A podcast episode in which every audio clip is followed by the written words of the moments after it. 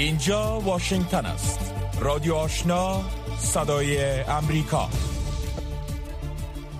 سلام و وقت همه شما بخیر شنونده های عزیز. قدیر مشرف هستم و شما را به شنیدن برنامه دری رادیو آشنا صدای امریکا خوش آمدید میگم. امروز جمعه نهم ماه سپتامبر سال 2022 میلادی است. پیش از اینکه شما را به شنیدن گزارش ها و مطالب این برنامه دعوت کنیم توجه کنید به مشروع خبرهای افغانستان منطقه و جهان. از همکارم عبدالواجد عادل. سلام شنوندگان عزیز اخبار این ساعت رادیو آشنای صدای امریکا را به توجه می رسانم. نماینده خاص وزارت خارجه ایالات متحده در امور زنان و حقوق بشر در افغانستان از ادامه محروم ماندن دختران بالاتر از صنف ششم با آموزش در این کشور انتقاد کرده است. رینا امیری روز جمعه نهم سپتامبر در پیام در صفحه تویتر خود با اشاره به بسته ماندن مکاتب متوسطه و لیسه دختران در افغانستان نگاشته است که تاکنون هیچ کشور دیگر مانع فراگیری آموزش نشده است. با تسلط طالبان بر افغانستان از یک سال به این طرف دختران بالاتر از صنف ششم از رفتن به مکتب محروم ماندند و طالبان تا اکنون اقدامی برای بازگشایی این مکاتب نکردند خانم امیری افزوده است که دختران افغان رویای روزی را در سر می پرورانند که بتوانند با برادران خود به مکتب بازگردند و با آینده افغانستان کمک کنند در این حال حامد کرزی رئیس جمهور پیشین افغانستان گفته است که دسترسی به تعلیم و آموزش از جمله اساسی ترین حقوق بشری است که به باور او ملتها را به تعالی و رفاه میرساند. ریاست تفتیش وزارت امنیت داخلی ایالات متحده در یک گزارش تازه گفته است که اداره جو بایدن رئیس جمهور ایالات متحده نتوانسته است ده ها هزار افغانی را که در جریان ماموریت تخلیه پرهرج و مرج انتقال داده است به گونه مناسب مورد ارزیابی قرار دهد. ریاست تفتیش این وزارت گفته است که برخی از شهروندان افغانستان با وجود آنکه به امنیت ایالات متحده مای خطر پنداشته می شوند اجازه یافتند در این کشور زیست کنند. اما وزارت امنیت داخلی این گزارش را رد کرده و گفته است که مفتشین برخی از حقایق کلیدی را به گونه نادرست گزارش دادند. وزارت امنیت داخلی ایالات متحده گفته است که تمامی این افراد را به گونه درست طی مراحل کرده و افرادی که به گونه مثال از آنان یاد شده است با وجود آنکه در آغاز اجازه ورود یافته بودند پس از ارزیابی مجدد شامل روند خروج شدند. جبهه مقاومت ملی افغانستان با مناسبت 21 سال روز ترور احمد شاه مسعود ارشدترین فرمانده ضد طالبان مدعی شده است که این کشور بار دیگر مورد اشغال تروریستان بین‌المللی قرار گرفته و بر ادامه ایستادگی علیه طالبان تاکید کرده است. هرچند در دو دهه اخیر از سال روز ترور احمد شاه مسعود به گونه رسمی تبدیل می شد اما طالبان امسال تحلیل از هفته شهید را از تقویم خود حذف کردند. جبهه مقاومت به رهبری احمد مسعود روز جمعه نهم سپتامبر در اعلامیه گفته است که پس از دو دهه بار دیگر مردم افغانستان ادامه و گسترش مقاومت علیه طالبان را در این کشور یک ضرورت شرعی و ملی می‌دانند. جبهه مقاومت ملی افغانستان در حال بر ادامه مبارزه با طالبان تاکید کرده است که هبت الله آخونزاده رهبر گروه طالبان در پیامی گفته بود که کسانی که در پی جنگ در این کشورند باید از تجارب تلخ گذشته بیاموزند. نماینده ویژه پاکستان و روسیه در امور افغانستان دیروز در مسکو دیدار کردند. در این دیدار محمد صادق خان و زمین کابلوف وضعیت امنیتی و بحران انسانی در افغانستان را مورد بحث و بررسی قرار دادند و در مورد اتصال از طریق این کشور صحبت کردند. محمد صادق خان در توییت گفته است که در مورد طیف وسیع از مسائل از جمله وضعیت امنیتی اتصال از طریق افغانستان و بحران انسانی بحث شده است. این نشست در اتاق تاریخی برگزار شد که مفکوره تأسیس سازمان ملل متحد توسط متفقین در آن مطرح شد. اخبار جهان را از رادیوی آشنای صدای امریکا میشنوید. منشی عمومی ملل متحد روز جمعه با اشاره به سیلهای فاجعه بار پاکستان گفت که بشریت به طبیعت اعلان جنگ داده و طبیعت در حال ضربه زدن است.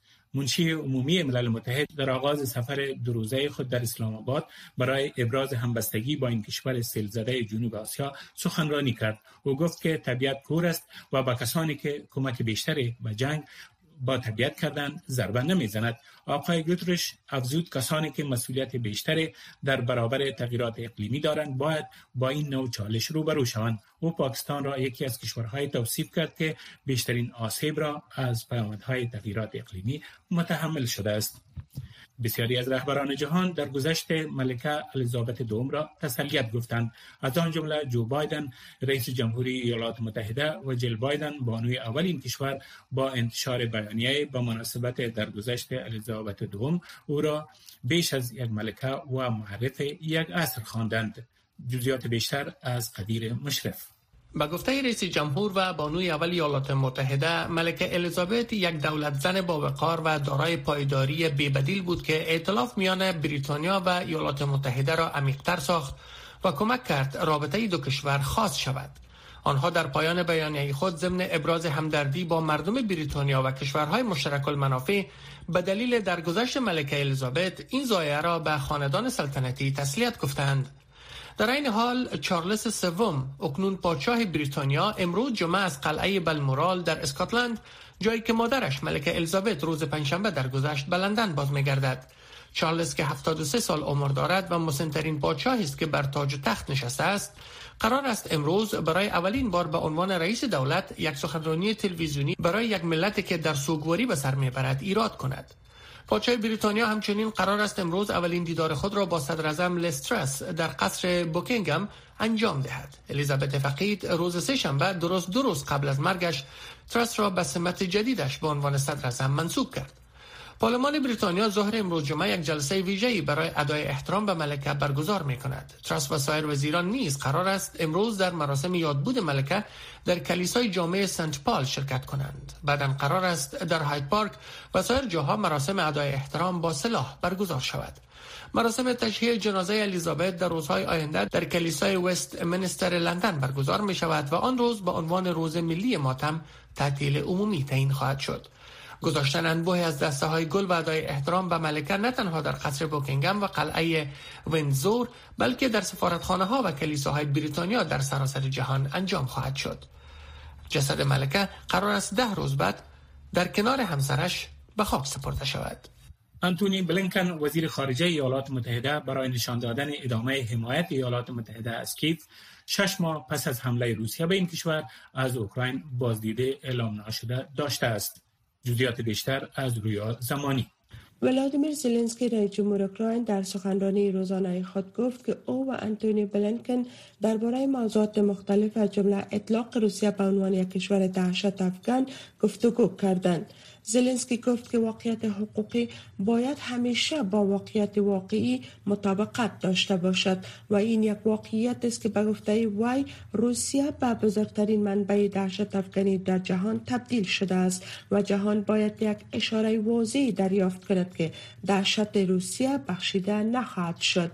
بلینکن پس از دیدار با زلنسکی در بیانیه گفت که مدافعان فوقالعاده خط مقدم اوکراین به مبارزه شجاعانه برای آزادی کشورشان ادامه می‌دهند.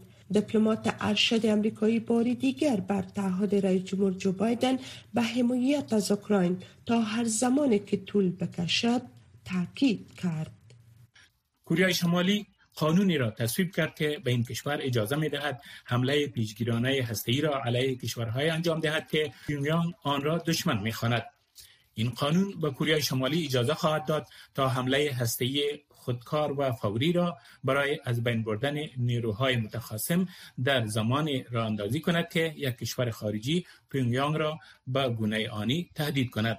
خبررسانی مرکزی کره شمالی به نقل از کیم جونگ اون رئیس جمهور این کشور گزارش داده گفته است با تصویب این قانون جدید موقف کشور ما من حیث کشور مجهز با سلاح هسته‌ای تغییر ناپذیر شده است. او در ماه جولای گفته بود که کشورش آماده است قابلیت های هسته‌ای خیش را در هر گونه جنگ با ایالات متحده و کره جنوبی به کار ببندد. رئیس جمهور کره شمالی یک بار دیگر تصریح کرد که پیونگیانگ هیچ زمانی حاضر نخواهد شد از تسلیحات هسته‌ایش در حالی بگذرد که برای مقابله با به گفته وی خصومتگرایی واشنگتن به آن نیاز دارد. پایان اخبار. رادیو آشنا صدای امریکا هفت روز هفته خبر و گزارش ها و تحلیل های خبری روز. خبرها رو شنیدن و اکنون هم می‌پردازیم به گزارش ها و مطالبی که در این برنامه نیم ساعته برای شما گرد هم آورده ایم. حکومت طالبان قرارداد ارائه خدمات راهنمایی به تیاره ها در فضای افغانستان را با شرکت امارات متحده عربی به نام گاک که مستقر در شهر ابوظبی است امضا کرد. حمیدالله آخوندزاده سرپرست وزارت ترانسپورت و هوانوردی ملکی حکومت طالبان هنگام امضای این قرارداد گفت که گسترش ارائه خدمات پروازها و برخی از خدمات دیگر در میدانهای هوایی از اهداف این قرارداد می باشد. جزئیات بیشتر از همکارم مومن واحدی حکومت طالبان و شرکت اماراتی گاک سولوشنز مستقر در ابوظبی یک قرارداد را امضا کردند که به اساس آن این شرکت اماراتی خدمات پرواز و تنظیم نشست و برخواست تیاره ها را در میدان های هوایی کلیدی افغانستان مدیریت خواهد کرد. در قرارداد خدمات پرواز تجهیز میدان های هوایی کابل، هرات و کندهار و آموزش کارمندان این میدان ها نیز شامل می باشد. ملا عبدالغنی برادر معاون اقتصادی ریاست الوزرای حکومت طالبان حین امضای این قرارداد گفت که تقویت اقتصاد آن کشور از اولویت های حکومت آنان می باشد.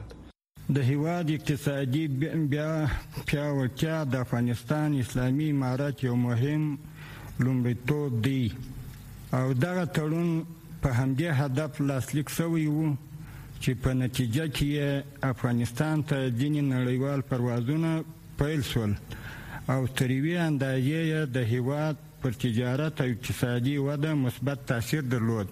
حمیدالله خونزاده سرپرست وزارت ترانسپورت و هوانوردی ملکی حکومت طالبان هنگام امضای این قرارداد گفت که گسترش ارائه خدمات پروازها و برخی از خدمات دیگر در میدانهای هوایی از اهداف این قرارداد است. آقای خونزاده افزود که با تطبیق این پروژه به تیاره هایی که از حریم هوایی افغانستان عبور و یا در میدان های هوایی بین المللی نشست می کنند خدمات هوایی به سطح بین المللی انجام می شود. ابراهیم معارفی مسئول شرکت کاگ سولوشنز امضای این قرارداد را یک انکشاف مهم برای صنعت هوانوردی افغانستان دانست. ما به این باور هستیم که این یک انکشاف مهم می باشد به خاطر که نه تنها به ما اجازه می دهد که قلمرو هوایی را فعال سازیم بلکه در کنار آن عبور پروازهای بین‌المللی هوایی را از فضای افغانستان نیز اجازه می دهد و فرصت را برای احیای خدمات راهنمایی پروازها که برای اعاده پروازهای بین‌المللی از میدانهای هوایی افغانستان نیاز است نیز مساعد می سازد. گفته می شود که شرکت گاک سولوشنز از حمایت خانواده امیر ابوظبی نیز برخوردار می باشد. شنوندگان گرامی رادیو آشنا صدای امریکا نشرات رادیو آشنا را در موج متوسط 1296 موج کوتاه 11575 اعشاری صفر و در موج 972 کیلوهرتز شنیده می توانید. محمد امین احمدی مذاکره کننده پیشین نظام جمهوریت با طالبان می گوید کشورهای جهان به ویژه همسایه افغانستان باید در حفاظت از هزاره ها در مقابل حملات خشونتبار نقش حمایتی و حفاظتی مهم ایفا کنند. او می‌گوید هزاره ها در حاکمیت طالبان باید تکتیک های دفاع مدنی را در برابر این حملات خشونتبار یاد بگیرند. شرح بیشتر صحبت های این مذاکره کننده پیشین نظام جمهوریت با طالبان را در مصاحبه با همکارم محمد احمدی میشنوید. آقای محمد امین احمدی مذاکره کننده پیشین جمهوریت با طالبان تشکر از فرصتی که به صدای امریکا دادید. در حاکمیت طالبان وضعیت هزاره ها بدتر شده است از لحاظ امنیتی و زندگی مدنی. دیدبان حقوق بشر در گزارش تازه خود که روز سهشنبه نشر کرد گفته که تنها در یک سال حاکمیت طالبا حدود 8 حدود 700 نفر کشته و یا زخمی شدند. به نظر شما چرا در حاکمیت طالبان وضعیت هزاره ها هنوز وخیم هست؟ از لحاظ امنیتی امنیت ندارن و این او کشتار به صورت خشونت آمیز و فراگیر صورت گرفته. این که چرا حملات علیه هزاره ها تشدید شده شدت پیدا کرده برمیگرده به وجود نفرت شدید مذهبی و قومی که متاسفانه در افغانستان خصوصا در میان گروه های شدیدن افراطی و رادیکال وجود دارد برمیگرده به جنگی که اونها با یکدیگر داره و در مجموع جنگی که اونها علیه گروه های قومی و مذهبی مخالف خودشون دارند در حقیقت همه آنها چی طالبان و چی گروه های مخالف طالبان از یک ایدولوژی پیروی می‌کنه و او ایدولوژی نفرت و تبعیض هست. بر اساس ایدولوژی نفرت و تبعیضی که در ذهن گروه های افراطی وجود داره هزارها و بعض از گروه های مذهبی و قومی دیگر مستحق قتل و نابودی شناخته میشه که باید از افغانستان اینها نابود شوند. در چارچوب این ایدولوژی و در چارچوب این پروژه است که هزارها مورد هجوم قرار گرفته. مورد قتل سیستماتیک و هدفمند که میشه نام آن را جنوساید و یا حداقل جنایت علیه بشریت نامید مورد این گونه حملات. سازمان دیدبان حقوق بشر از دولت هایی که با طالبان تعامل دارند خواسته تا از جوامع هزاره محافظت بکنند به نظر شما این کشورها و سازمان های بین المللی در مجموع در این شرایط برای حفاظت از هزاره ها چه کار می‌تونن انجام بدن؟ در قدم نخست یک مسئولیت بین المللی بر عهده تمامی کشورهای جهان وجود دارد و او مسئولیت محافظت از گروه های در معرض جنوساید و نسل است یک وظیفه بین المللی است که همه دولت های جهان دارند مخصوصا دولت های همسایه افغانستان بیشتر این مسئولیت متوجه اونهاست. مسئولیت محافظت از هزاره ها در برابر جنوساید به جنایت علیه بشریت وجود دارد. که به این وظیفه ذاتی خودشان عمل بکنن یک در قدم دوم ما فکر می‌کنم که دادگاه بینونی جنایی که در لاها مقرش در لاها هست اونا می توانند در این شرایط دوسیه افغانستان را در خصوص نسل کشی و جنایت علیه بشریت برای جرایم جنگی باز کنند و و تحقیقات خودشان ادامه بدن تا در این خصوص شناخته شود که عوامل این جنایت کیست و چه کسانی در اجرای وظایفشان در مورد محافظت از هزارها در برابر نسل کشی جنوساید و جنایت علیه بشریت کوتاهی می‌کنه و عمل نمی‌کنه با وظیفه خود در این خصوص. این تحقیقات هم این تحقیقات قضایی هم می‌تونه مفید و مؤثر باشه در این شرایط. و همچنین طالبان در حقیقت وظیفه اصلی و ذاتی طالبان محافظت از هزارها در برابر این گونه جنایات است. طالبان باید وظیفه خود عمل بکنن در سرلوحه رابطه کشورهای جهان و منطقه با طالبان باید وضعی و مسئولیت به طالبان گشتد شود همواره مورد تاکید قرار, قرار بگیره که طالبان از گروه قومی و مذهبی هزار و شیعه در افغانستان محافظت به عمل بیارد صدای امریکا رادیو آشنا 100.5 اف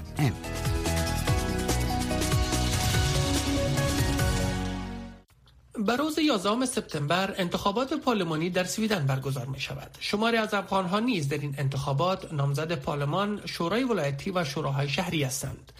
نجیب بیگی یکی از نامزدان انتخابات پارلمانی است او می‌گوید مشکلات پناهجویان در سویدن به ویژه نابرابری ها در برابر آنان سبب شده که وارد میدان سیاست شود ولی آریان یک روز کارزار انتخاباتی نجیب بیگی را در این گزارش به سمع شما میرساند.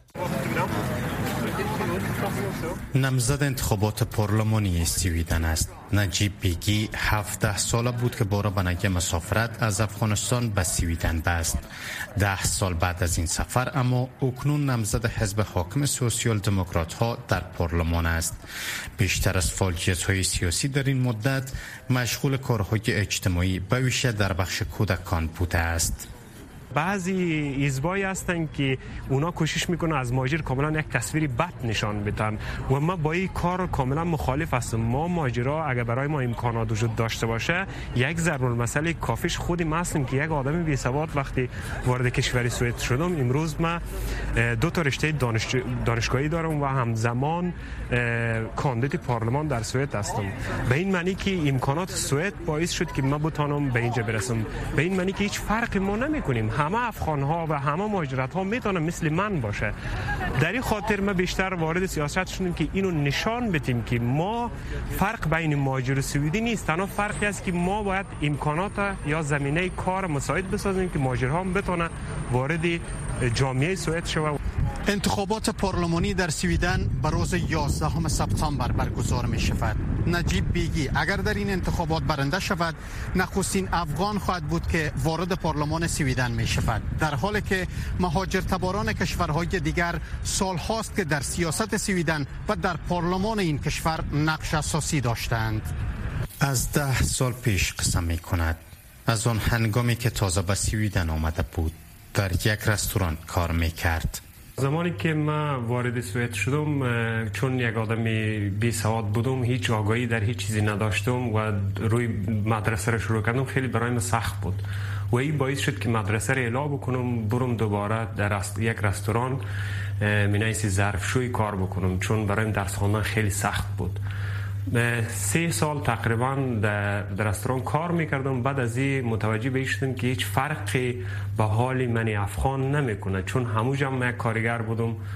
و اینجا همون کار می‌کنم و این باعث شد که ما بیشتر با چشم باز نگاه بکنیم که کشور سوئد یک کشور پر از امکانات هست و من می‌تونم درس بخوانم و می‌تونم از صفر شروع بکنم. فرقی نمی‌کنه که چند سال دوام می‌کشه زمان کارزارهای انتخابات پارلمانی سویدن است. خانه به خانه می روند تا به یاد مردم بیاورند که در انتخابات شرکت کنند و نیز از آنان می که اگر خواسته باشند به این نمزدان رای بدهند. نجیب بیگی همزمان نمزد این انتخابات در شورای ولایتی در شهر هودکسفال نیست است در روند دموکراتیک یک نقطه خیلی اساسی است که به خاطر از این نشان میده کسایی که ما از هر 15 دری که ما می‌زنیم ملاقات می‌کنیم یک تا رای می‌تونیم بیاریم به حزب خود ما. و هم زمان خیلی در دموکراسی خوبیشی است که مثلا ما به یاد اونا میندازیم که اونا برن رای بتن به حالا هر حزبی که فرق نمی‌کنه هر چی مردم بیشتر رای بتن و رای بالا باشه و این دموکراسی ما دموکراسی محکمتر می باشه بیشتر به دنبال افراد کهنسال و بیمار می روند کسانی که اگر نتوانند به مراکز رایدهی بروند تا رای بدهند شهرداری ها این امکان را در خانه هایشان فراهم خواهد کرد. چیزی که الکساندرا یک نمزد دیگر حزب سوسیال دموکرات های سویدن در شهر سودرهم می گوید Om det är så att man inte kan gå till vallokalen själv, آنانی که نمی‌توانند به مراکز رایدهی بروند مثلا بیماران افرادی از شاروالی میآیند و در این روند کمک می‌کنند و زمینه رایدهی را برایشان در خانه فراهم می‌سازند و این رایدهی در یک روند کاملا سری همچون در مراکز رایدهی صورت خواهد گرفت میدان کارزارهای انتخاباتی احزاب تر است برخلاف افغانستان در اینجا هرچند تفاوت و ایدولوژی ها در میان احزاب گسترده و گاه مشکل آفرین است کارزارها اما رفیقانه است. در میان این سیاستگران کهنکار اما راهیابی نجیب بیگی جوان در پارلمان شاید آسان نباشد. اما این کارزار دشوار او را از ازمش منصرف نکرده است. هفت روز هفته با رادیو آشنا صدای امریکا. شما شنونده برنامه های شامگاهی رادیو آشنا هستین. قصر سفید به خاطر مرگ الیزابت دوم ملکه فقید انگلستان سوگوار است و بیرق ملی ایالات متحده نیز نیمه افراشته می باشد جو بایدن جمهور امریکا پادشاهی دراز مدت بریتانیا را به عنوان حامی و کمک کننده عمده در روابط قوی میان امریکا و بریتانیا توصیف کرده است. رؤسای جمهوری پیشین امریکا و امریکایی های برجسته نیز با ادای احترام به ملکه فقید که هفتاد سال بر بریتانیا حکومت کرد این امر را واضح ساختند. جزیات را از رویا زمانی میشنوید. الیزابت دوم ملکه بریتانیا با جاده های شهر واشنگتن دی سی ناشنا نبود. انجمن تاریخی قصر سفید می‌گوید که ملکه با چهار بار بازدید از این کشور حضور در صرف پنج بار غذای شب و دو دیدار غیر رسمی در مقایسه به هر کشوری دیگری با رؤسای جمهوری ایالات متحده بیشترین ملاقات ها را داشته بود. جو بایدن رئیس جمهوری ایالات متحده بر رسم ادای احترام به مناسبت مرگ ملکه بریتانیا روز پنجشنبه دستور داد تا بیرق امریکا نیمه برافراشته باشد. کارن ژن پیرر سخنگوی قصر سفید گفت تسلیت خود را به اعضای خانواده ملکه و مردم انگلستان تقدیم می کنم. بایدن که در سه نوبت با ملکه الیزابت ملاقات کرده بود به خاطر داشتن روابط خوب امریکا با قوی ترین متحدش او را مورد ستایش قرار داد. بین بریتانیا و ایالات متحده که بستر اتحاد بود ملکه الیزابت دوم یک زن محترم با عزت و باثبات را عمیقتر ساخت. او کمک کرد تا روابط ما خاص باشد. ملکه الیزابت که طولانی ترین پادشاهی بریتانیا را به عهده داشت همچنان ترویج دهنده و ترقی دهنده حکومت خود بود. او در جریان سخنرانی خود در سال 1991 در جلسه مشترک کانگرس امریکا گفت که امریکا و بریتانیا بر بنیاد اصل دموکراسی با هم متحد شدند. او در طول عمر خود بر استقلال ابده کشور افریقایی از حکومت بریتانیا نظارت داشت. در اوایل سال جاری چارلز سوم جانشین او و در حال حاضر پادشاه بریتانیا تعهد کرد تا با حاکمیت بیش از 50 کشور مشترک المنافع عمدتا شکل یافته از مستمرات سابق این کشور احترام بگذارد. سود عمر طولانی برایم تجربه را برمغان آورد که همچو فعالیت ها می تواند تغییر را آرام و بدون دشمنی و خصومت و بار بیاورد. اما همان طوری که در نوامبر گذشته در باربادوس گفتم ما هرگز چیزهایی را که تغییر نمی کنند فراموش نمی کنیم براک اوباما جمهوری ایالات متحده امریکا نیز با ارسال پیامی از میراث ملکه خدمات عمومی خستناپذیر و باوقار او ستایش کرد. ملکه الیزابت این وظیفه را به عنوان مهمترین بخش زندگی خود می‌دید. در هیچ نقطه از سلطنت هفتاد ساله او همچو عمل به ثبت نرسیده است که ملکه به نام امتیاز سلطنتی از تعیین یک مقام انتخاب شده دموکراتیک برای تشکیل دولت امتناع ورزیده باشد و این وضعیت تا درست قبل از مرگش نیز ادامه داشت. زمانی که او در منزلش در اسکاتلند از لیسترس که اکنون صدر بریتانیا است دعوت کرد تا کارهای اداریش را ادامه دهد.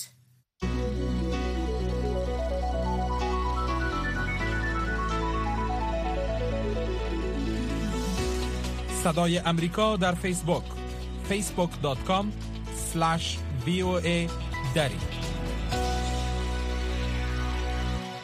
انتونی بلینکن وزیر خارجه ایالات متحده در یک سفر از قبل اعلام ناشده به کیف رفته تا تداوم حمایت ایالات متحده را به اوکراین شش ماه پس از حمله روسیه بر این کشور نشان دهد. آقای بلینکن در این سفر مساعدت جدید 2.2 میلیارد دلاری ایالات متحده به اوکراین و 18 کشور دیگر منطقه را اعلام کرد که اکثریت این کشورها در معرض خطر تهاجم روسیه در آینده قرار دارند. سهر عظیمی با جزئیات بیشتری این گزارش ولادیمیر زلنسکی رئیس جمهور اوکراین روز پنجشنبه در کیف از انتونی بلینکن وزیر امور خارجه آمریکا استقبال کرد. این در حالی است که مقامات نظامی اوکراین آنچه را که آنها یک پیشرفت نظامی در ضد حمله خود علیه روسیه می‌خوانند اعلام کردند. بلینکن متحد شد که 2.8 میلیارد دلار دیگر با اوکراین و همسایگان این کشور کمک کند. و افزود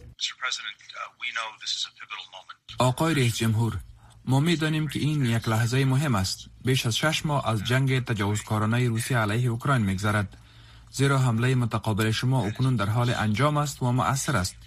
این البته بیشتر تابع از شجاعت باور نکردنی و انعطاف پذیری اوکراینی هاست ما این را هر روز در میدان جنگ می بینیم وزارت دفاع اوکراین اعلام کرد که نیروهای این کشور در شمال، جنوب و شرق به دستاوردهای دست یافته و بیش از 20 شهر و روستا و دیگر مناطقی را که توسط روسیه تصرف شده بود پس گرفتند. وزارت دفاع روسیه در مورد حملات متقابل اوکراین اظهار نظری نکرده است. داستن وزیر دفاع در سخنرانی در نشست گروه مشاوره دفاعی اوکراین در پایگاه هوایی رامشتاین در آلمان پیشرفت قابل توجه اوکراین در میدان نبرد را تایید کرد. اکنون ما شاهد موفقیت آشکار تلاش های مشترک خود در میدان نبرد هستیم و هر روز عزم متحدان و شرکای جهان را می بینیم که به اوکراین کمک می کنند تا در برابر جنگ غیر قانونی بزرگ و غیر قابل توجیه روسیه مقاومت کنند. آستن همچنین توضیح داد که چه چیزی در بسته 675 میلیون دلاری کمک امنیتی ایالات متحده با اوکراین گنجانیده شده است. مایکل کیماژاس با انتون کاتولیک ایالات متحده به صدای آمریکا گفت که هنوز خیلی زود است که بگوییم دستاوردهای اخیر اوکراین جریان جنگ را تغییر می دهد یا خیر اما آنها روایت را تغییر دادند. اما من فکر می کنم کاری که انجام می دهد تنظیم مجدد بینش جنگ است که بسیار مهم می باشد بنابراین این امر باعث تقویت روحیه اوکراینی ها خواهد شد. و اخبار به هر نحوی که در روسیه مدیریت شود مدیریت خواهد شد. همچنین روز پنجشنبه بلینکن از کودکان بستری شده در شفاخانه به دلیل جراحات ناشی از بمباران روسیه بازدید کرد و گفت که آنها پیامی در مورد روحیه قوی کشور ارسال می کنند. شنوندگان گرامی در اینجا رسیم به پایان بخش دری نشرات شمگاهی رادیو آشنا. تا لحظات بعد همکاران پشتو داشته های خود را خدمت شما تقدیم خواهند کرد. با ما باشید.